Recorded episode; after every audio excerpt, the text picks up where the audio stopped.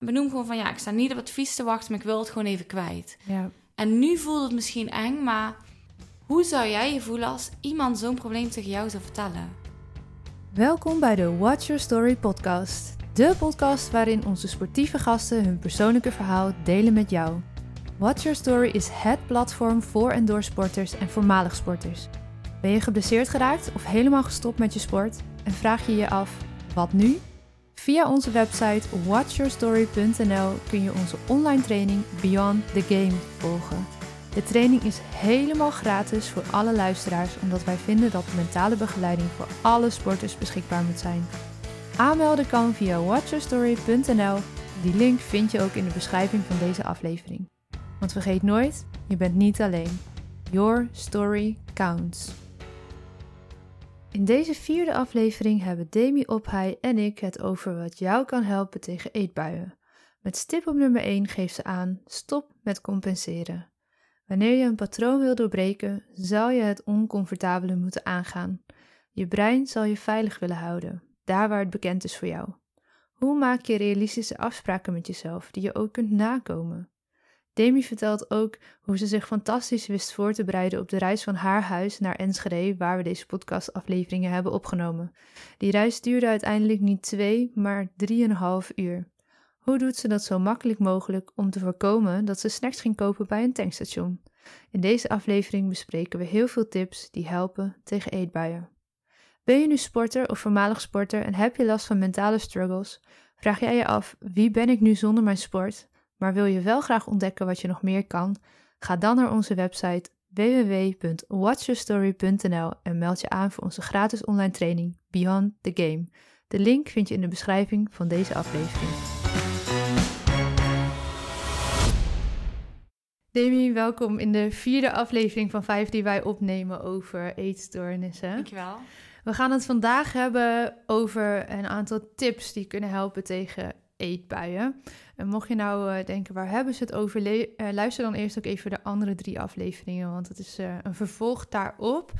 Um, dus we duiken nu gewoon lekker in de tips vandaag. Wat zou jij zeggen is echt de nummer één tip als mensen bij jou komen met een eetstoornis? Nou ja, niet, dus niet meteen stap 1, maar nummer 1 tip is eigenlijk wel stop met compenseren. Ja, ja, je hebt het vaker genoemd, ja. het onderwerp. Ja. Waarom is dat zo ontzettend belangrijk? Nou, je wil eigenlijk gewoon... Je, hebt vaak een probleem en het ziet eruit als een cirkel.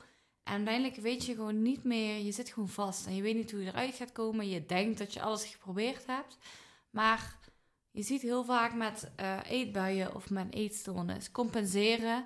door bijvoorbeeld na een schuldgevoel niks te eten... of een maaltijd over te slaan of extra sporten ja, dan ga je eigenlijk weer ervoor zorgen dat je eetbuien krijgt. Uh, je moet ergens dat patroon doorbreken met iets wat je niet eerder gedaan hebt. Plus... Zoals? Waar, waarmee zou je het kunnen doorbreken? Ja, door te stoppen met compenseren. Ja. Want als jij gaat ja, maar dat is natuurlijk wel... Hoe, hoe stop ik dan met compenseren? Het lijkt me makkelijker gezegd dan gedaan. Nou ja, door te relativeren. Want stel je hebt bijvoorbeeld uh, een weekend gehad dat je bent geweest uit eten. Dan het is niet dat alles verpest is. En heel vaak aan klanten laat ik dan zien door middel van getalletjes. Van stel je hebt nu 4000 calorieën gegeten vandaag, wat meer dan normaal. andere dagen eet je er 2000. Wat is dat gemiddeld in een week? Oké, hoeveel, in feitelijk, hoeveel vet kun je dan aankomen? Nou ja, je kunt pas uh, vet aankomen met ongeveer 8000 calorieën te veel. En als jij bent geweest eten, heb je niet 8000 calorieën te veel. Dus als je de dag daarna gewoon normaal doet, is er niks aan de hand. Plus, als jij uh, niks gaat eten en je riskeert daarna een eetbui te krijgen, dan zijn, is die eetbui veel meer calorieën tegenover die ene maaltijd wat je extra eet. Ja. Dus als je dat kunt relativeren, plus zie je dat als experiment. Probeer het eens twee weken. Of ga het eens twee weken doen en ervaren. Ja, dus tip nummer één, stop met compenseren. Ja. Ik heb een heel mooi lijstje van tips uh, gekregen van jou. Dus ik ga ze gewoon één voor één even noemen. Want anders, uh, voor de mensen die luisteren, is een beetje oneerlijk. Ik heb dat lijstje namelijk voor mijn neus. Ja. en Demi niet. En volgens mij kan je ze dromen zo ongeveer. Maar uh, je hoeft ook niet allemaal uit je hoofd te stampen. Jij zei, ehm, begin met het onderzoeken van de oorzaak van je eetbuien. Ja, dus we hebben inderdaad in de vorige podcast, volgens mij gisteren, hebben we het gehad over de oorzaken. Nou, het is wel belangrijk als jij naar punt B wil gaan, naar je doel. Dus bijvoorbeeld geen eetbui of een gezonde relatie met voeding, dan moet je wel weten waar je nu staat. Ja. Als je niet weet waar je probleem zit, kun je het niet veranderen. Ehm, dus als jij weet van oké, okay, uh, bijvoorbeeld wat ik noemde, telkens na groepslessen heb ik eetbuien. Waardoor komt dat dan? Omdat ik van tevoren misschien te weinig of te lang niet gegeten heb. Dan weet je al heel simpel van oké, dan moet ik voor mijn groepsles nog iets extra's eten. Dan is dat al één ding wat je kunt proberen. Uh, ga jij niet, niet onderzoeken wat de oorzaak is, dan ga je maar gooien met oplossingen die misschien niet bij het probleem passen. En wat wel mooi is, denk ik, om te benoemen, is dat we een beetje een soort van um, twee lagen van oorzaken hebben benoemd. Ook gisteren, namelijk hè, wat jij nu zegt, het oorzaak van nou, je moet misschien gewoon wat meer eten voordat je een groepsles lekker gaat sporten. Ja. Uh, en die dieperliggende oorzaken waar we het ook over hebben gehad. Van wat heb je meegekregen bijvoorbeeld vanuit opvoeding en echt uh, nou ja, vanuit de, de onderstroomoorzaken, laat ik ze zo noemen. Ja. Dus als jij bijvoorbeeld um, altijd eet als je rot voelt. Ja, dat, heel vaak is het ook wel een soort van een beetje gewoonte geworden. Misschien had je vroeger een ander middel wat je dan gebruikt om dat te onderdrukken. Als jij weet, oké, iedere keer als ik me verveel, dan ga ik eten. Dus dan heb je die twee aan elkaar gekoppeld. En om dat te doorbreken voelt oncomfortabel, want jouw brein wil het liefste vandaag kopiëren naar morgen en eigenlijk dat je hele leven door. Want dat is wat jou tot nu toe in leven heeft gehouden, wat je veilig houdt. Ja, ja, mooi. Bekend.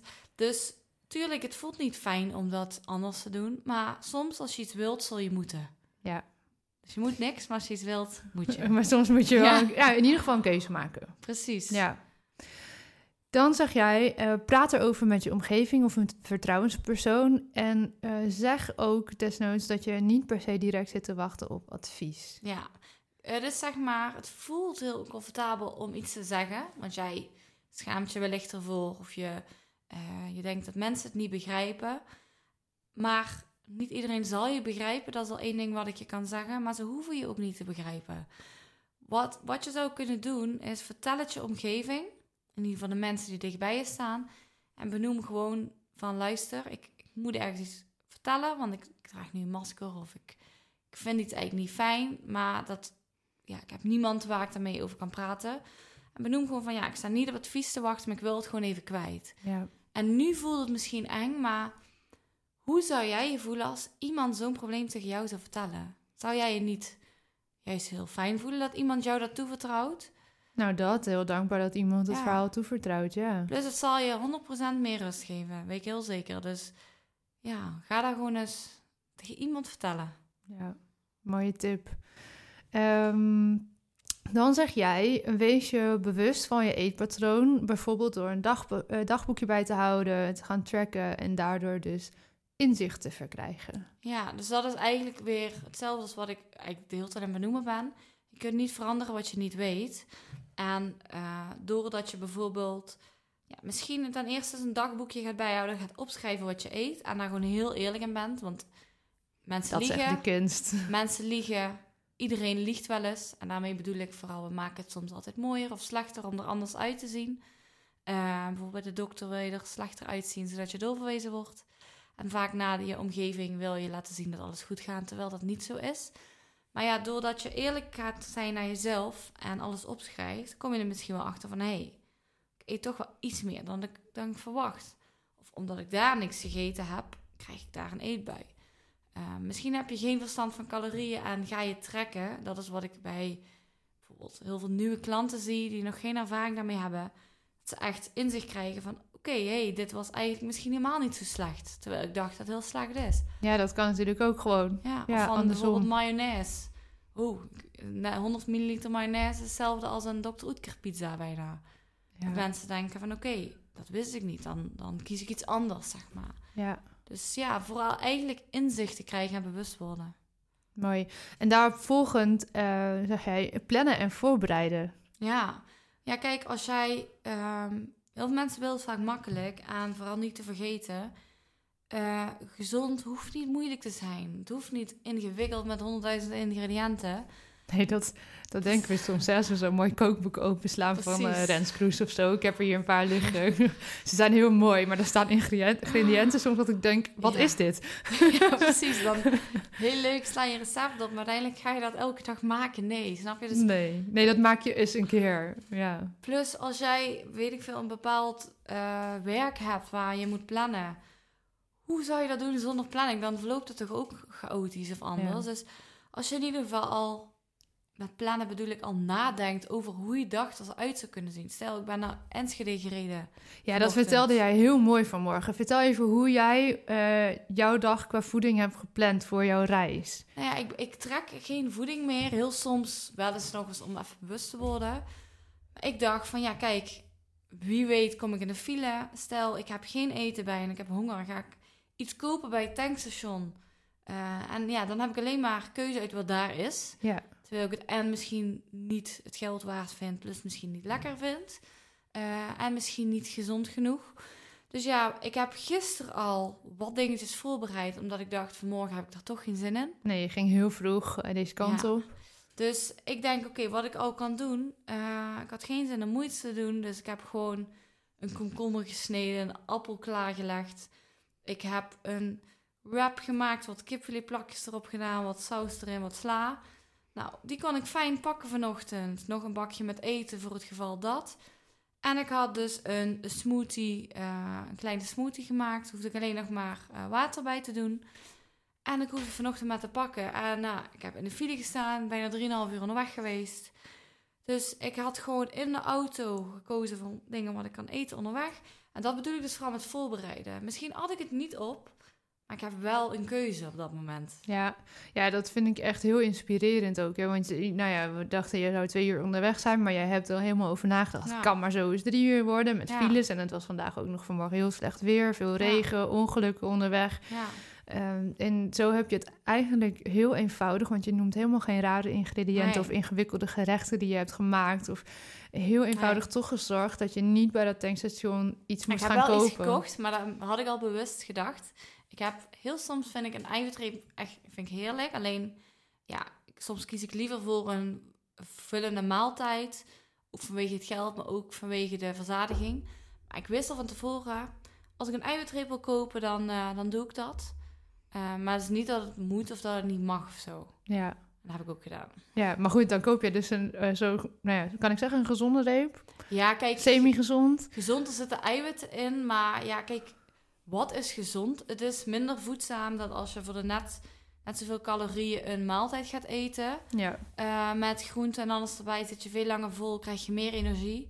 Dus op zich een eiwitreep is een prima optie, maar ja, het is wel minder voedzaam dan als je het uit andere producten zal halen. Maar ja, het is zeg maar daarom niet per se iets gezond en ongezond. Nee, maar ja, en als je dan kijkt wat er allemaal ligt bij zo'n tankstation, dan... Ja. eh, ja, dat is eigenlijk een andere discussie. Gaan we vandaag niet over hebben. Zou Zou, ik een pak time-out koekjes kopen Ja. of KitKat. zou ook niet moeten kunnen, want Nee. daar allemaal niet te kopen is. Maar dat gaan we even niet vandaag over hebben. Nee. Ehm, een andere tip die jij noemt is eh, krachtige beloftes maken en nakomen.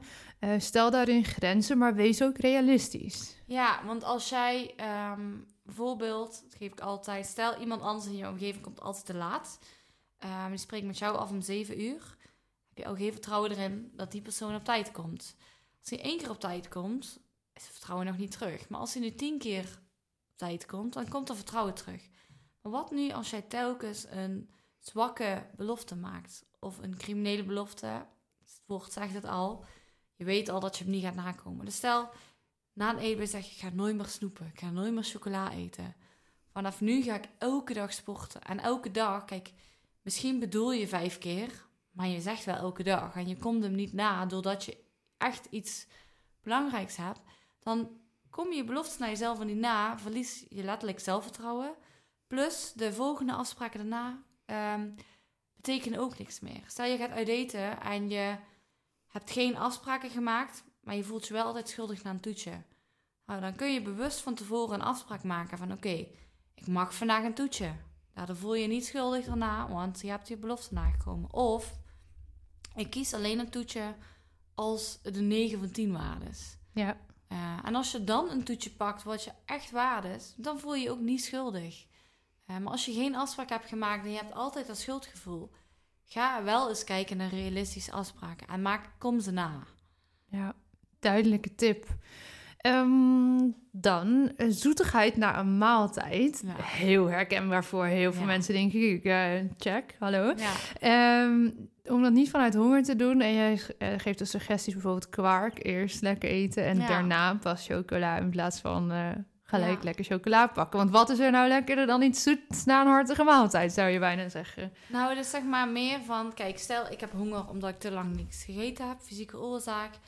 Ja, en ik ga dan boodschappen doen. Nou dan ga je ook sneller wat ongezondere dingen kopen. Ja, ja dat Ehm, is echt zo'n slecht idee om boodschappen te doen terwijl je trek hebt. Ja, kijk, dat is logisch. Ook al is mijn relatie met voeding gezond, maar als ik nu chocola ga eten met heel veel honger, dan wil ik ook de hele reep en dan wil ik Ja. alleen nog maar meer. En dat is, daar ben je niet vreemd in. Dat heeft denk ik bijna iedereen. Ehm, maar ik bedoel meer van, stel als je altijd weet dat je s'avonds een eetbui hebt op de bank, ga dan bewust een maaltijd plannen. Nu eet je bewust misschien niks of plan je niks, om de nooduitgangen open te houden voor als je een eetbui krijgt. Ja. Dus die nooddeur dicht, plan bewust een voedzame maaltijd. En ik zeg kwark omdat ja, je slaapt acht uur en je wilt eiwitten binnenkrijgen die langer in je lichaam blijven zitten. En het is gewoon een goede gewoonte. Het hoeft geen saaie kwark te zijn. Je hebt tegenwoordig heel veel andere opties. Kwark, high protein pudding, noem maar op.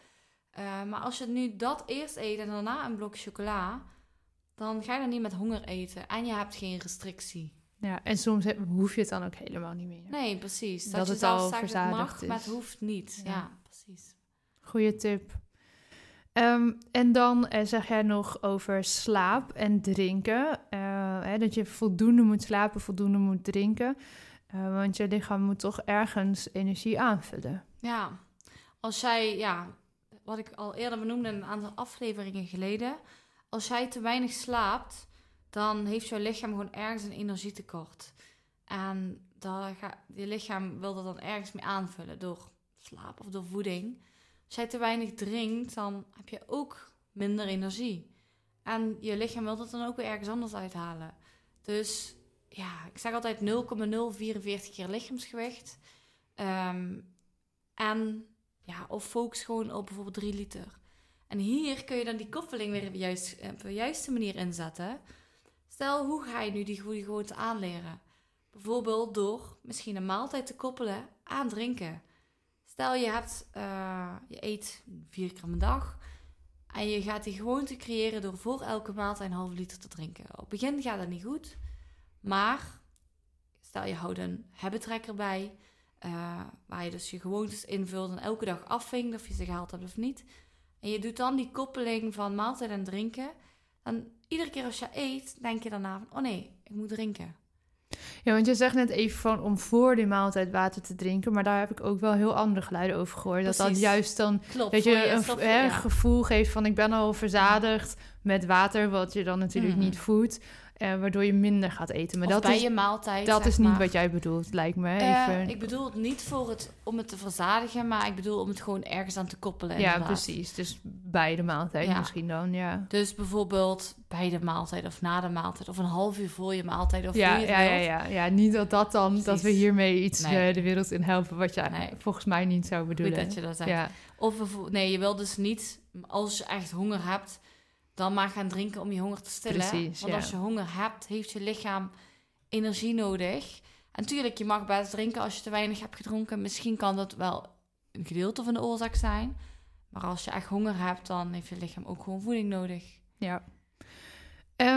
Relativeer en reflecteer. Sta eens 10 seconden stil bij een maaltijd. Ja, dus inderdaad, misschien wel een leuke opdracht al om meteen vanaf nu of vanaf morgen toe te passen.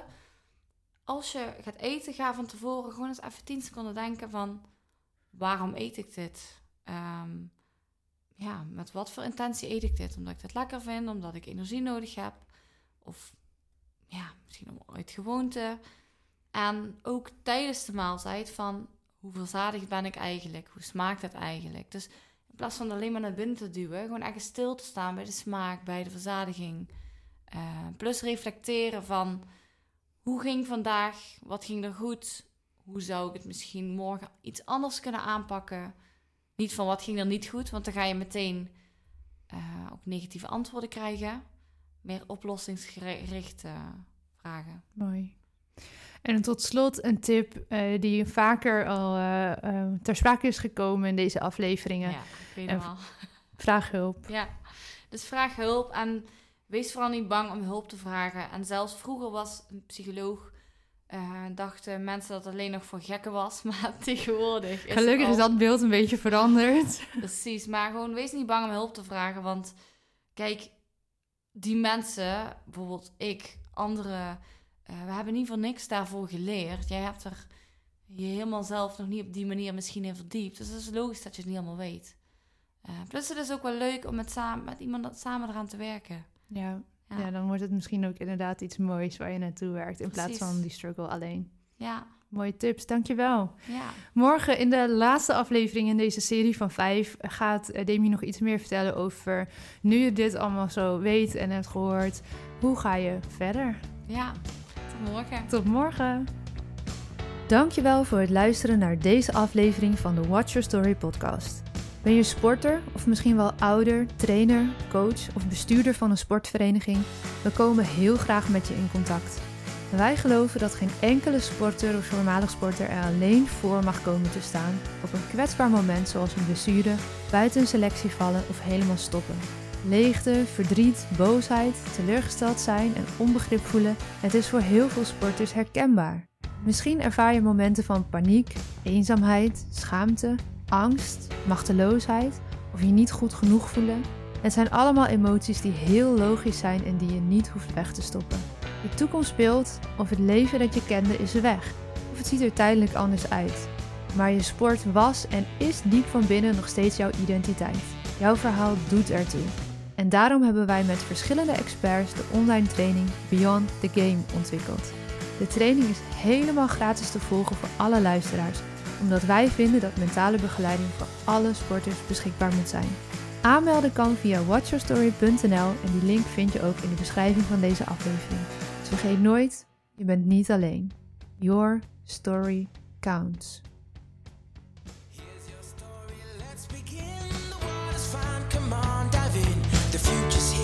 It's right before your eyes.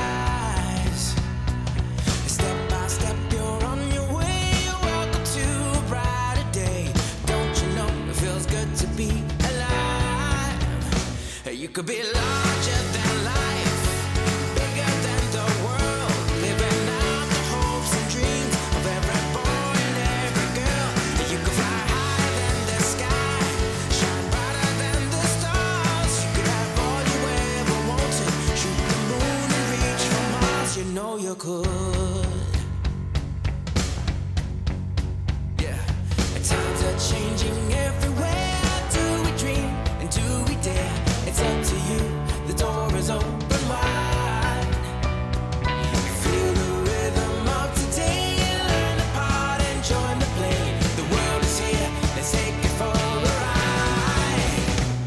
could be larger